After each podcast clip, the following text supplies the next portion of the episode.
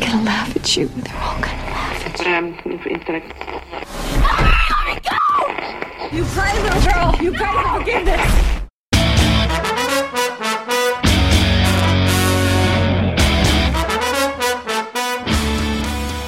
Witamy serdecznie w 131 odcinku podcastu Radio Stephen King. Przed tygodniem debiutował na naszych łamach w roli klasycznego dyskutanta Jerry. W tym tygodniu witamy w tej roli Szymasa. Cześć wszystkim. No i porozmawiamy dzisiaj o aktualnym temacie, jakim jest nowa kinowa wersja Kerry, która na ekrany weszła w zeszły piątek, przed tygodniem. I myślę, że na sam początek, ty czytałeś książkę? Czytałem książkę. W sumie to Kerry była chyba trzecią książką Kinga, z którą się zapoznałem. Ale było to dosyć dawno. W sumie czytałem ją dwa razy, ale pamiętam ją całkiem nieźle jeszcze, myślę. No właśnie ja też przed filmem nie odświeżałem, bo po prostu czytałem ją też jakieś kilka razy. Myślę, że nawet coś koło pięciu razy, bo to jest bardzo krótki audiobook i czasami sobie słucham tak z nudów. Może na sam wstęp, jeszcze bez jakiejś takiej konkretnej oceny, to zostawimy sobie na koniec. Takie w dwóch, trzech zdaniach twoje wrażenia pierwsze. Pierwsze wrażenia były pozytywne. Film nie jest moim zdaniem jakiś strasznie wspaniały, nie zapadnie mi w pamięć na lata, ale ogólnie mi się podobał. Problem polega na tym, że film w moim odczuciu dzieli się jak gdyby na takie dwie części. Pierwsza, bardziej dramatyczna, jest naprawdę super, a ta druga wypada trochę gorzej. Znaczy, ciężko ją ocenić tak, bez wchodzenia w szczegóły. No, ja myślę, że tutaj wejdziemy w szczegóły, bo akurat w tym przypadku się z tą zgadzam. Film dzieli się na dwie części. Pierwsza jest świetna, druga już może niekoniecznie, ale w moim przypadku ta druga niestety bardzo mocno przysłania tę pierwszą i moje z kolei odczucie jest niestety średnie, a chyba nawet negatywne.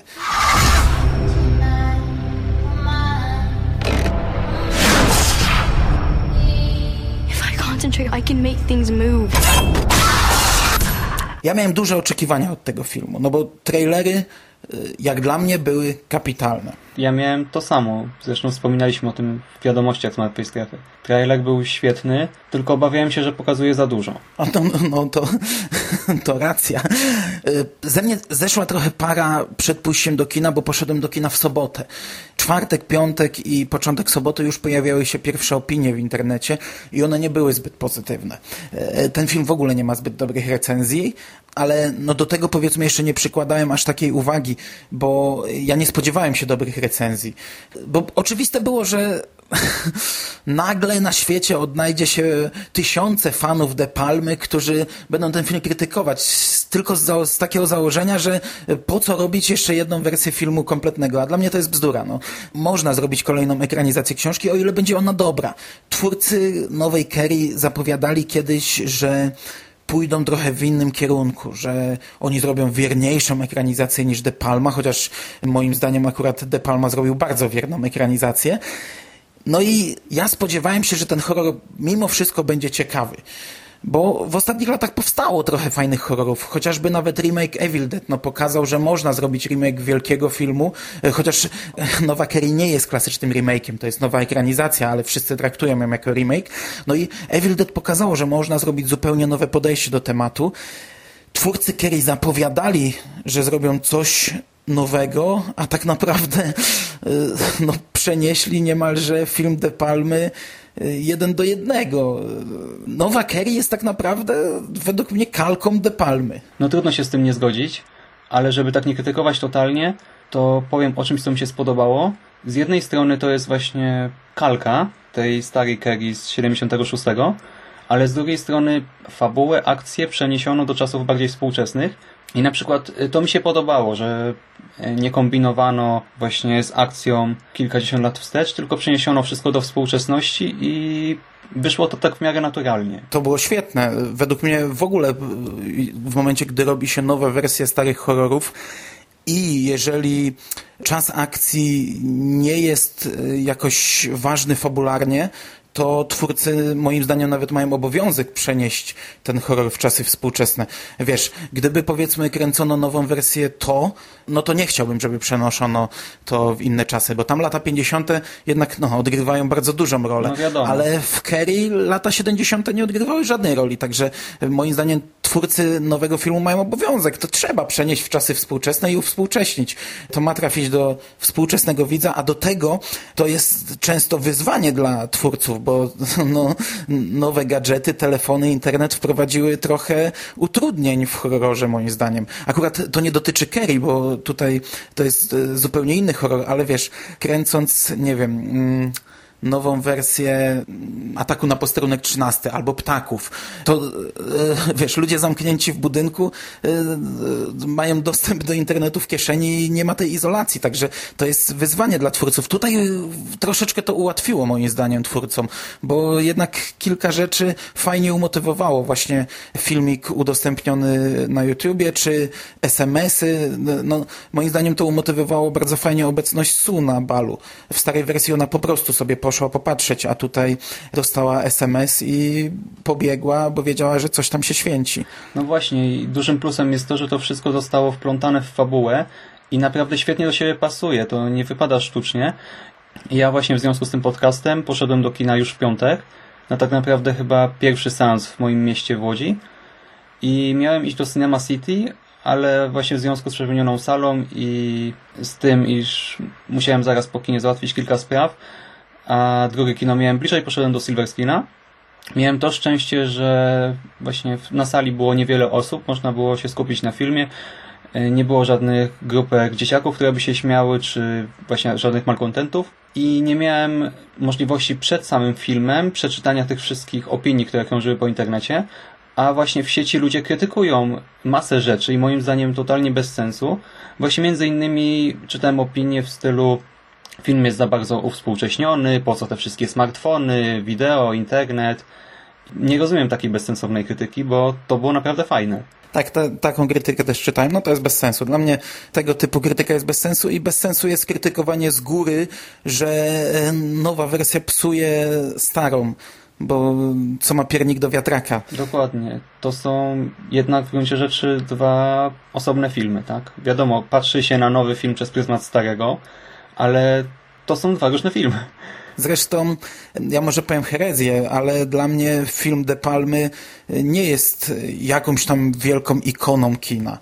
W momencie, gdyby zabrać się powiedzmy, nie wiem, za Lśnienie, za Ojca Chrzestnego, za tego typu filmy, za zrobienie remake'u Psychozy, zresztą część tych remake'ów powstała, no to ja rozumiem wtedy krytykę, ale Kerry De Palmy to nie jest jakaś ikona kina dla mnie. Jestem dokładnie tego samego zdania.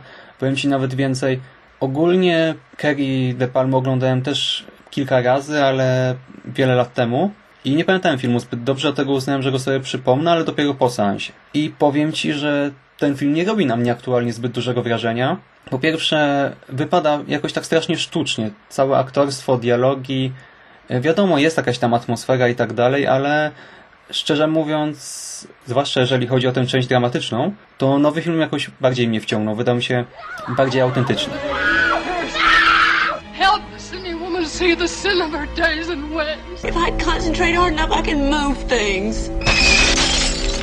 You don't have a date to the prom next Friday. Would you like to go with me?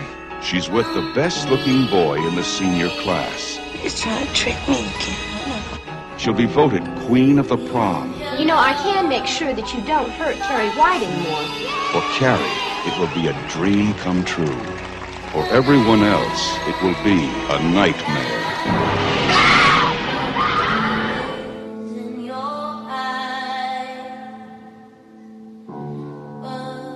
A trzecia krytyka, która się przewija po internecie, to e, kolejny bez sensu motyw, czyli amerykańska młodzież. No, dla mnie e, całkowicie niezrozumiałe e, zarzuty, że to jest taki high school musical. To się przewija tak naprawdę przy wielu horrorach współczesnych, że znów amerykańska młodzież, że znów ta głupia amerykańska młodzież. No a co było w latach 70. Horrory też były o głupiej amerykańskiej młodzieży, tylko teraz ta głupia amerykańska młodzież z tamtych czasów jest dla nas jakimś tam reliktem już. Obecna młodzież za 20 lat będzie tak samo postrzegana przez widzów za 20 lat. To też bardzo możliwe, że wiele współczesnych horrorów będzie dla nich klasykami. Dla mnie idiotyczne jest stwierdzenie, że teraz kręci się tylko bezsensowne filmy, bo tak do tego masa ludzi w internecie podchodzi. W latach 70. czy 80. powstawały setki durnych horrorów, a my zapamiętaliśmy tylko jednostki genialne. No i dokładnie to samo będzie za kolejne 20 lat, chociaż akurat Nowa Kerry będzie moim zdaniem w tych setkach słabych filmów. Właśnie, poza tym akurat ta młodzież w tym filmie to nie jest młodzież z jakiegoś teen slashera. To nie są jacyś totalni idioci, którzy wyjeżdżają do lasu, zaczynają uprawiać seks na samochodzie, ćpać co popadnie, a potem idą w głąb lasu i dają się zarżnąć pierwszej lepszej osobie, tak? Właśnie to, co mi się podobało, to już, tak wspominałem, wiele scen wydaje mi się takich autentycznych. Chociażby scena, w której Tommy Ross zaprasza Carrie White na bal. Szczerze mówiąc, w większości filmów tego typu sceny wyglądają beznadziejnie. Dialogi są sztuczne, człowiek chwyta się za głowę i nie wie co powiedzieć, to przypomina trochę właśnie takie sceny w anime, są strasznie przerysowane, dialogi są bez sensu, a tutaj to wyglądało tak strasznie autentycznie, tak było widać jakieś zakłopotanie, z jednej strony zaangażowanie, emocje i właśnie moim zdaniem na przykład aktorstwo w tym filmie było całkiem w porządku. Było widać właśnie, nie wiem, smutek u Su, właśnie jakieś zażenowanie u Kerry, to zakłopotanie właśnie tutaj u Tomiego, tę taką młodzieńczą, amerykańską, w cudzysłowie, głupotę Chris i to mi się podobało, że to nie było takie strasznie stereotypowe, tylko że było w tym trochę uczucia i na przykład ja się strasznie wciągnąłem właśnie w tej pierwszej części i no naprawdę wczułem się w sytuację i żyłem tymi samymi emocjami, co bohaterowie. No i myślę, że dobrze, że przeszedłeś właśnie do aktorstwa, bo chyba już wystarczy mm, rozmowy na temat internetowej krytyki. Kilka zdań o głównych bohaterach. Właśnie tak jak powiedziałeś Tommy. Strasznie podobała mi się ta postać. Taki właśnie fajny chłopak naturalny. Nie wiem, czy to ja się starzeję, ale tak jak kiedyś w slasherach grały, y, nie wiem, miało się wrażenie, że ci nastolatkowie są strasznie starzy, tak teraz ja miałem wrażenie, że ten dzieciak, który grał Tomiego jest strasznie młody. ale... No... no cóż, możliwe, bo znaczy, on był młody, ale no bez przesady. No to chyba ja już się po prostu starzeję. Ludzie w telewizji są coraz młodsi niestety. Mm, ale to mi się bardzo podobał. Właśnie ja miałem takie wrażenie, że mógłbym po prostu podejść do niego, przybić mu piątkę, pogadać, że to jest naprawdę taki spoko koleś. Su na początku nie bardzo. Ja troszeczkę mi się popieprzyło. Ja pamiętałem zdjęcie tej aktorki, ale mi się wydawało, że to jest e, Chris. I trochę się zdziwiłem, że to jest słówki, nie? No, w, pierwszych scen, w pierwszych scenach mi się trochę tak, tak, tak średnio podobała. Taka właśnie lala, ale potem, potem bardzo fajnie grała. Tak, tak, tak. Mniej więcej od tego momentu, gdy, gdyby sobie uświadomiła, że to, co dziewczyny odwaliły na początku, nie było w porządku, to z każdą kolejną sceną wydaje się właśnie bardziej taka wiarygodna. Naprawdę wydaje się, że przeżywa to, co się dzieje i to jest fajne w tym. Jeżeli chodzi o Chris, to ja nie mam zdania. Jakoś tak była po prostu. Ani, ani na plus, ani na minus. No nie mam zdania, jeżeli chodzi o tę postać. Natomiast dwie główne bohaterki, czyli Kerry White i jej matka Margaret, no, strasznie przerysowane, bardzo przerysowane. Chociaż moim zdaniem y, nie została przekroczona granica absurdu. No, nie przerodziło się to w komedię, ale są to postacie po prostu skrajnie przerysowane i, i takie postacie y, troszeczkę jednak jednowymiarowe. To znaczy, może i tak, ale mnie to w ogóle nie przeszkadzało. Jeżeli chodzi o Kerry, to podobało mi się to, że nie była taka jak u Kinga w książce nie była taka totalnie właśnie ekstremalnie inna. Nie była mała, brzydka, gruba, pryszczata z krzywymi nogami, tylko po prostu była inna i to głównie inna przez wychowanie matki. To mi się podobało, a jeżeli chodzi właśnie o matkę, rzeczywiście może twórcy filmu trochę popłynęli, jeżeli chodzi o właśnie kreację Margaret, ale było w tym to coś. Na przykład była taka scena, w której właśnie Margaret odbiera Kerry ze szkoły i dojeżdżają do domu i mówi do niej coś w stylu chodź za mną. I w tym momencie autentycznie miałem ochotę powiedzieć, znaczy nawet powiedziałem sobie w myślach, w życiu bym za tobą nie poszedł, kobieto, bo jednak jej charakteryzacja, spojrzenie, no to wszystko było takie fajne, klimatyczne i naprawdę no i naprawdę mnie to ruszyło. Tak, mnie z tych dwóch przyrysowanych postaci bardziej podobała się Margaret. Bardziej naturalna była moim zdaniem. Z Kerry miałem ten problem, że To znaczy, tak jak ty mówisz, ja nie pamiętam, czy King opisał ją aż tak strasznie, bo właśnie wielu ludzi krytykowało, że za ładna aktorka, za ładna aktorka, ale jednak w książce też, gdy Kerry wchodzi na bal, to jest piękna. Wszyscy są nią zachwyceni, także ja zawsze wyobrażałem sobie książkową Kerry jako właśnie ofiarę wychowania matki, a nie jako brzydką dziewczynę, tylko po prostu jako zaniedbaną, potarganą, źle ubraną dziewczynę, czyli coś takiego, co odegrała właśnie Chloe Grace Moretz, ale ja miałem ten problem, że to mi się wydawało nienaturalne. No, cały czas jak na nią patrzyłem, to widziałem...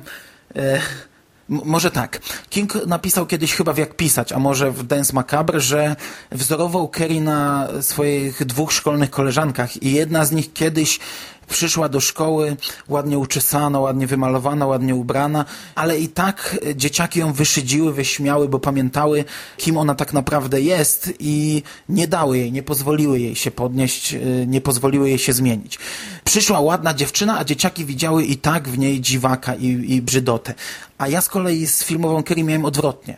Po ekranie chodził dziwak i brzydotak, w której ja widziałem ładną dziewczynę. No, no nie wiem, cały czas miałem wrażenie, że widzę ładną dziewczynę, która garbi się, która robi dziwne oczy, jak wygląda jak Quasimodo i chodzi po, po tym planie. No trochę przerysowana, ale tak jak powiedziałem, nie, nie przekroczyła tej granicy yy, absurdu. Znaczy ja też miałem problem z Chloe, ponieważ ja ogólnie strasznie kojarzę ją z Abby z Pozwól mi wejść, ale właśnie tam grała też podobną postać. Y, wampirzycę, która udawała dziewczynkę, tak samo tutaj dziewczynkę o paranormalnych zdolnościach wychowaną przez fanatyczną matkę, która stara się żyć w takim normalnym amerykańskim koledżu, liceum. No to ja nie miałem tego problemu, bo ja nie oglądałem amerykańskiej wersji Pozwól mi wejść. A z tą aktorką widziałem tylko Kick-Essa i tak naprawdę no, y, głupka z siebie może zrobię, ale dopiero w drugiej części y, skumałem, że to jest ona. From that sin was born another, the worst sin. A man or a woman who is a witch among you is to be put to death. You are to stone them. There will be a judgment, Carrie. Jezebel fell from the tower.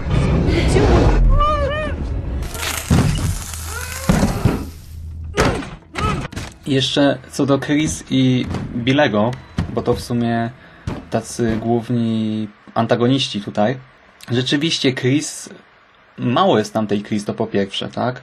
A jeżeli już się pojawia, to poza sceną buntu i akcją y, z filmikiem, to no jest taka mdła strasznie. Y, Billy natomiast jest moim zdaniem znowu taki trochę za bardzo zły tutaj, bo on wypada bardziej na jakiegoś przestępcę, który ma trochę nierówno pod sufitem, a potem nagle boi się, że przez żarcik na balu maturalnym może mieć problemy z prawem. To jest też trochę dziwne, ale z drugiej strony, jak sobie pomyślę o filmie De Palmy, o Travolcie i dziewczynie, która wcieliła się w Chris, to tam to wypadło znowu strasznie absurdalnie. Ich w ogóle relacja, związek, akcja w samochodzie u De Palmy i tak dalej, to pomimo wszystko chyba jednak wolę tę parkę z nowej wersji. Prom is next week. You don't have a date already. Maybe you want to go with me. Mama, I've been asked to prom. No, no, no. They're gonna laugh at you. They're all gonna laugh at you. Mama, stop it. To myślę, że przejdźmy do tej drugiej części. Tutaj nie ma co się e, aż tak bawić e, w niezdradzanie fabuły, bo przecież sami twórcy zdradzili tam prawie wszystko w trailerze. Sami twórcy wyszli z założenia, że chyba każdy zna już tę historię, także myślę, że, że, że nie musimy aż tak delikatnie się ślizgać, bo każdy chyba wie, co na balu się wydarzyło. Dla mnie największym wadą tego filmu, już nie chodzi o to, że ona tam powiedzmy kopiuje za dużo z De Palmy, ale największa wada tego filmu jest właśnie od momentu, gdy wylewa się krew na Kerry. Bo do tej pory, do tego momentu ja byłem naprawdę zauroczony tym filmem. Nie rozumiałem kompletnie y, o co chodziło wszystkim internetowym krytykantom i bawiłem się doskonale ale w chwili już, gdy wylewa się to wiadro, gdy ono wylewa się trzy razy, to już było coś nie tak, a zaraz potem po prostu no, miałem wrażenie, jakby ktoś mi dał pysk. Ten film się po prostu tak mocno nagle zmienił, tak absurdalny się zrobił. Za dużo dzisiaj nadużywamy tego słowa absurdalny, bo już chyba piąty raz padło. Ale tak jak twórcy przez e, pierwszą połowę dużo kopiowali z De Palmy, tak miałem wrażenie, że później chcą część skopiować, ale chcą też pokazać to zupełnie inaczej. Kerry u De Palmy stojąca na podium, no to jest jedna z najlepszych scen, taka strasznie charakterystyczna, ciemna postać schodząca z tego podium. A tutaj to już było widać na trailerach, że oni zupełnie inaczej potraktują tą Kerry, że ją bardzo napakowali i że ona zupełnie inaczej tą swoją moc używa, wiesz, jak Jedi, wyciąga rękę, yy, zaciska pięść, jak kogoś dusi i na tym balu po prostu jak ona macha tymi rękoma, jak ona się wygina, ale to jeszcze okej, okay. ale jak zaczyna latać, to w tym momencie ja powiedziałem dość. To jest bardzo ważna rzecz, to co powiedziałeś. Nagle po tym numerze z wiadrem zaczyna się nowy film zupełnie. Mieliśmy do czynienia z takim właśnie ciekawym dramatem. Poznawaliśmy wszystkich bohaterów, wszystko było dosyć wiarygodne, ciekawe, można się było naprawdę wczuć, poczuć te emocje, a tu nagle, puf, krew się wylała i zaczyna się zupełnie nowy film. Jeżeli chodzi akurat o te gesty dłońmi, to to jeszcze jakoś zaakceptowałem, ale to latanie rzeczywiście było totalnie od czapy i w ogóle tam nie pasowało. I właśnie mam duży problem z tą drugą połową filmu, bo wizualnie ogólnie nie była zła, tak? Moim zdaniem ciężko się do czegoś przyczepić. I było tam w sumie sporo ciekawych scen. Powiedzmy, że Karim mści się na wiele różnych sposobów, używa do tego wiele różnych rekwizytów. Tak, twórcy byli dosyć kreatywni, ale, ale to do mnie nie przemawia. To nie ma żadnej większej wartości, bo coś tak już ogląda. Na szczęście to jest chyba tylko 20 może 25 minut filmu. No, no właśnie, no właśnie, my mówimy druga połowa, a to jest tak naprawdę końcówka, to jest 20 minut filmu. Sama akcja po balu jest bardzo krótka, to jest maksymalnie 10 minut, ale właśnie tam jest napakowane dużo takich głupot. Po pierwsze mam wrażenie, że jest to na mniejszą skalę, bo mam wrażenie, że bardzo dużo ludzi przeżyło ten bal. Jest taka scena, jak oni wychodzą i jest naprawdę tam sporo osób. Po drugie, e, fakt, no ona w ciekawy sposób zabija kilka osób, ale to jest jakieś 10 minut, gdzie jest kilka ciekawych akcji, a kilka tak durnych, najgłupsza chyba moim zdaniem, jak wychodzi już na ulicę. Ja na to czekałem, bo to mi się w trailerze podobało, jak ona stoi wygięta na ulicy, jedzie samochód w jej kierunku. No ale w momencie, gdy ona tupie w ulicę i ta ulica zaczyna pękać i to pęknięcie zakręca za samochodem, e, a potem ulica zaczyna się walić, to ja naprawdę siedziałem w kinie, patrzyłem w ekran i miałem ochotę kopnąć, ale w fotel przede mną. E, no bo byłem zły, bo ten film był fajny, ale spieprzony właśnie takimi głupotami. Mando, ale o co ci chodzi? To było nawiązanie do Silent Hilla, wiesz, nagle koniec świata i no. Ale nie, najlepsze było w tym wszystkim jeszcze to, że właśnie ona sobie tak po prostu wyszła stamtąd, tak? Ludzie, tam większość ginęła po prostu, nagle tam masa przypadkowych ofiar, tak? Potem nagle się okazuje, że jednak masa osób przeżyła. Ona tak sobie wyszła, przeszła obok i właśnie niby dużo się działo, ale nie czułem żadnego napięcia. Autentycznie byłem mega wkurzony na Chris, właśnie na, na jej zachowanie, na jej koleżanki i współczułem Kerry, a za to jak już potem doszło do tej tragedii, to nie czułem żadnych emocji. Po prostu sobie siedziałem, tak patrzę, o fajnie, o tu kogoś prąd poraził, o tu ta akcja z szybą, nagle tak chwilę asfalt pęka, no dobra, no już nieważne. Potem też to e, rzucanie samochodem, e, dużo się dzieje, a Beats siedzi i tak czeka na koniec tak naprawdę. No, no dużo się dzieje, ale właśnie dzieje się dziwnie. No bo tak, po pierwsze latanie, po drugie pękająca ulica, po trzecie, strasznie dziwna ta telekineza, bo ja nie wiem naprawdę na czym polegała moc Kerry, skoro ona umiała kontrolować pęknięcie na ulicy albo ruchem ręki wyczuć, co się dzieje z Susnell. Znaczy w sumie nie wiem, czy warto o tym mówić, ale ta ciąża Su. No ja właśnie o tym mówiłem, że, że nie wiem na czym polega ta telekineza, skoro ona wyciąga rękę i e, poprzez e, nie wiem jaki kontakt duchowy wie, że Su ma, nie, nie tylko jest w ciąży, ale jeszcze, że jest to dziewczynka. No. Tylko, że u Kinga to jakoś miało wpływ na fabułę i właśnie na samą Su. A w filmie to jest tak trochę jakoś w tle i nie wiadomo, co to wszystko oznacza, tak? Szczerze to ja nie pamiętałem, że u Kinga Su była w ciąży, bo u De Palmy na pewno nie było. Nie, u De Palmy nie było.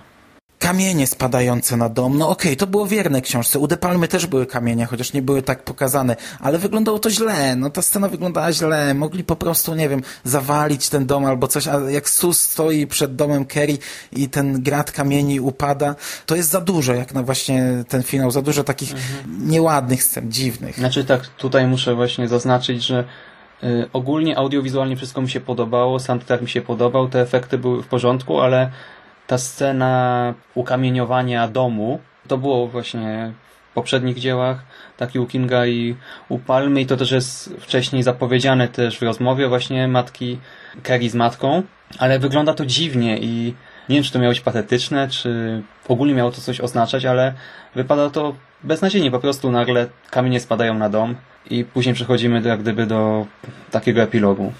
Ja mam wrażenie, że e, Kimberly Pierce, czyli reżyserka tego nowego filmu, e, nie wiem, czy za dużo naoglądała się De Palmy i po prostu inaczej nie umiała przedstawić, bo jednak masę rzeczy robi tak samo, ale chce zrobić coś innego, ale jednak to samo, ale to wychodzi kiepsko. Na przykład właśnie to spadające trzy razy wiadro, kompletnie niepasujące do filmu. E, mam wrażenie, że to było jakaś taka odpowiedź, nawiązanie do zabawy z ekranem u De Palmy. W momencie, gdy wiadro spada na Kerry, to wtedy ekran dzieli się na kilka części, widzimy... Ale u Palmy chyba też jest ten i, I, ten odgłos jest trzy razy potem ten zwiastujący używanie mocy przez Kerry i tak dalej. No właśnie ja wczoraj jak oglądałem starą wersję, to starałem się na to zwrócić uwagę, ale miałem trochę cicho telewizor, bo dziecko spało i do końca nie byłem pewien, ale wiadro spadało na pewno tylko raz. Potem po prostu jest zabawa obrazem i nie wiem, czy właśnie to spadanie wiadra w nowej wersji miało być taką odpowiedzią na, na, na zabawę obrazem. To samo z ostatnią sceną. Ostatnia scena u De Palmy, czyli scena z snu Susnel przy grobie Kerry. Świetna scena i dokładnie to samo chciała zrobić chyba Kimberly Pierce, ale zrobiła to bez sensu. No. Pękający nagrobek na koniec to jest taki, mam wrażenie, nie hołd dla De Palmy, a hołd dla B-klasowych horrorów z lat 70., które często się w taki sposób właśnie kończyły. Właśnie to mi przypominało bardziej nie zakończenie u De Palmy, tylko zakończenie w Nowym Martwym Źle z Ashem na samym końcu po napisach. To było tak trochę od czapy, bez sensu i bardziej tak, żeby się uśmiechnąć na koniec, a nie żeby zakończyć coś, czy wzbudzić jakąś refleksję, zwłaszcza, że mamy zakończenie wiadomo jakie, a tu nagle puf, nagrobek pęka i to muzyka taka jeszcze ostrzejsza się pojawia. Mnie się to skojarzyło, nie wiem, z zakończeniem Koszmaru z ulicy Wiązowej 3, 4 albo 5, albo tam jeszcze dalej. Tak, tak. W tym stylu zakończenie, że o, Freddy jeszcze żyje, haha, i śmiech jakiś, czy coś tam gdzieś się pęka, coś tu gdzieś się rękawica pojawia, no to w tym stylu właśnie, pęka grób, będzie Kerry 2, tylko że to nie te czasy. Kiedyś po prostu tak się kończyło horrory w taki sposób. Your king and queen are...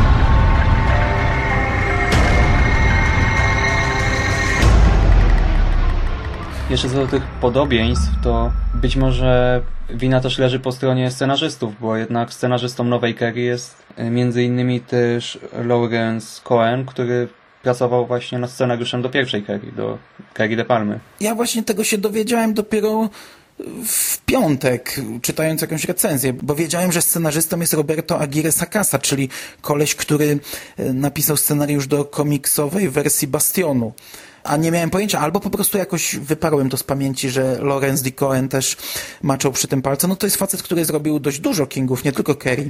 Tak, tak, marzenia i koszmary, stokostrachy, to...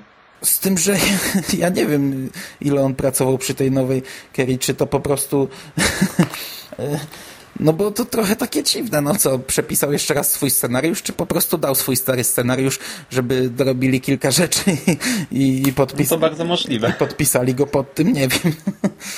Carrie, do you understand what's happening to you? You know the devil never dies. He keeps coming back.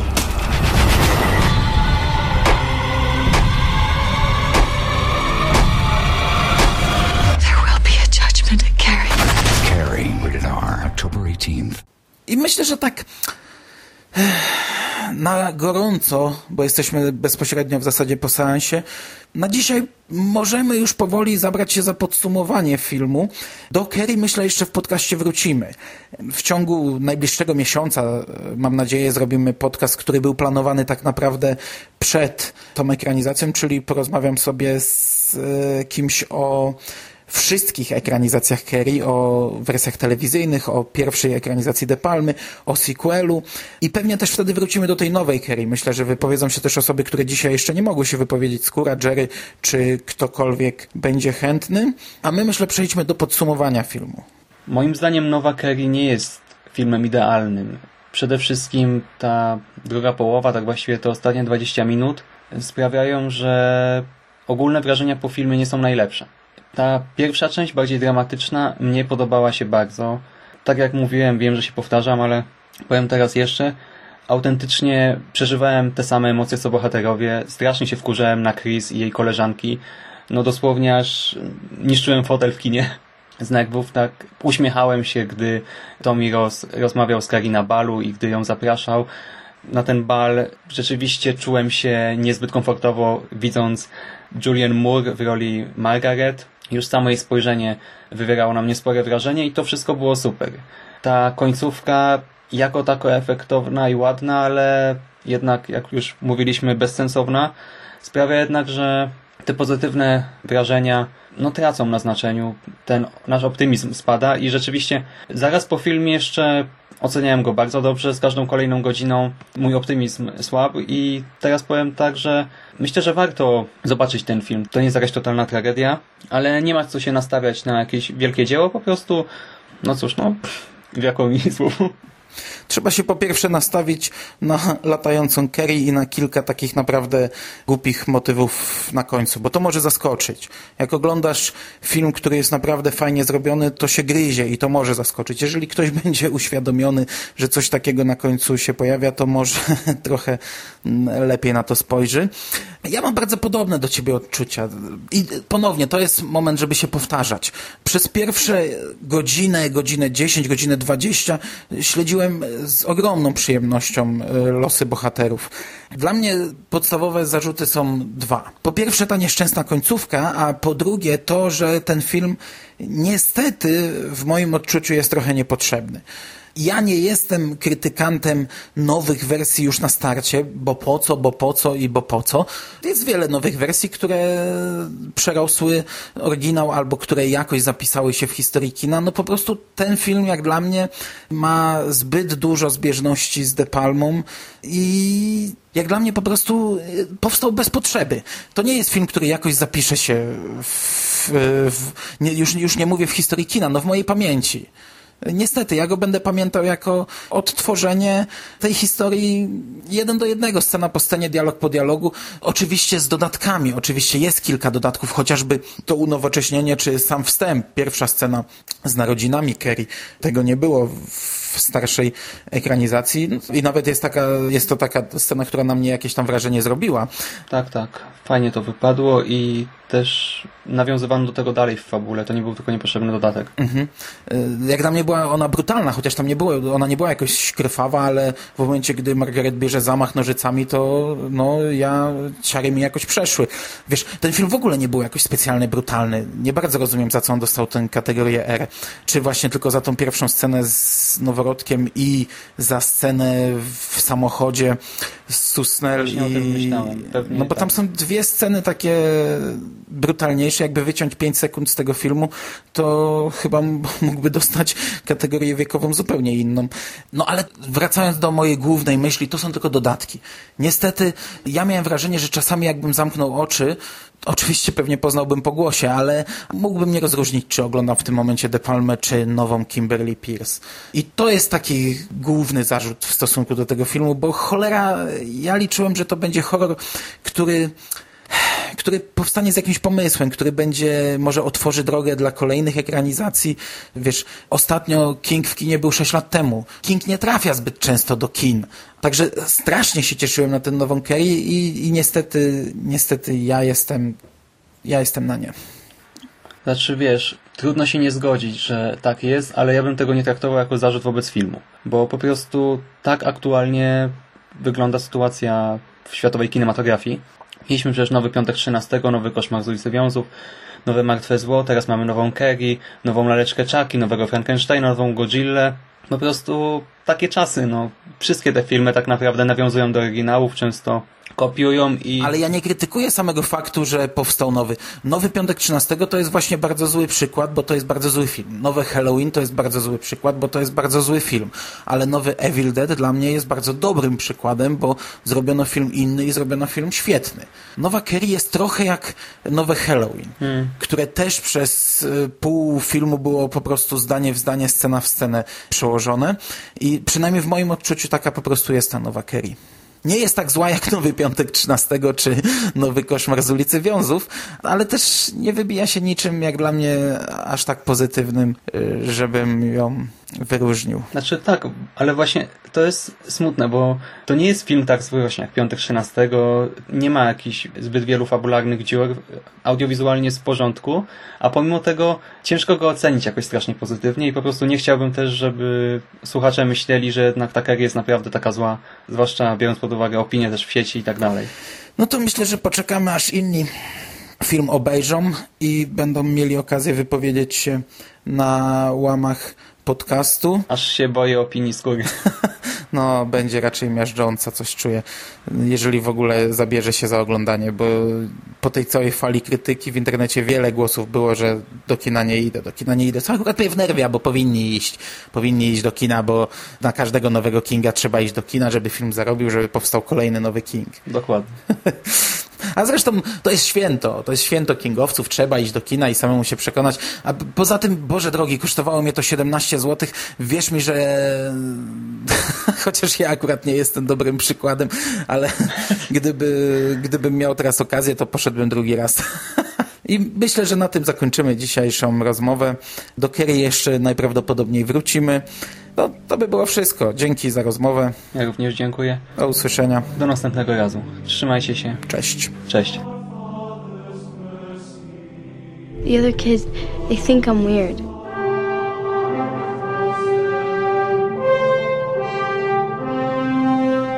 If I concentrate hard enough, I can make things move. The Force is strong with you. Mama, I've been asked to prom. Smash. You pray, little girl. You pray for forgiveness. Puny God. They think I'm weird. You were the chosen one! I don't want to be. Ah!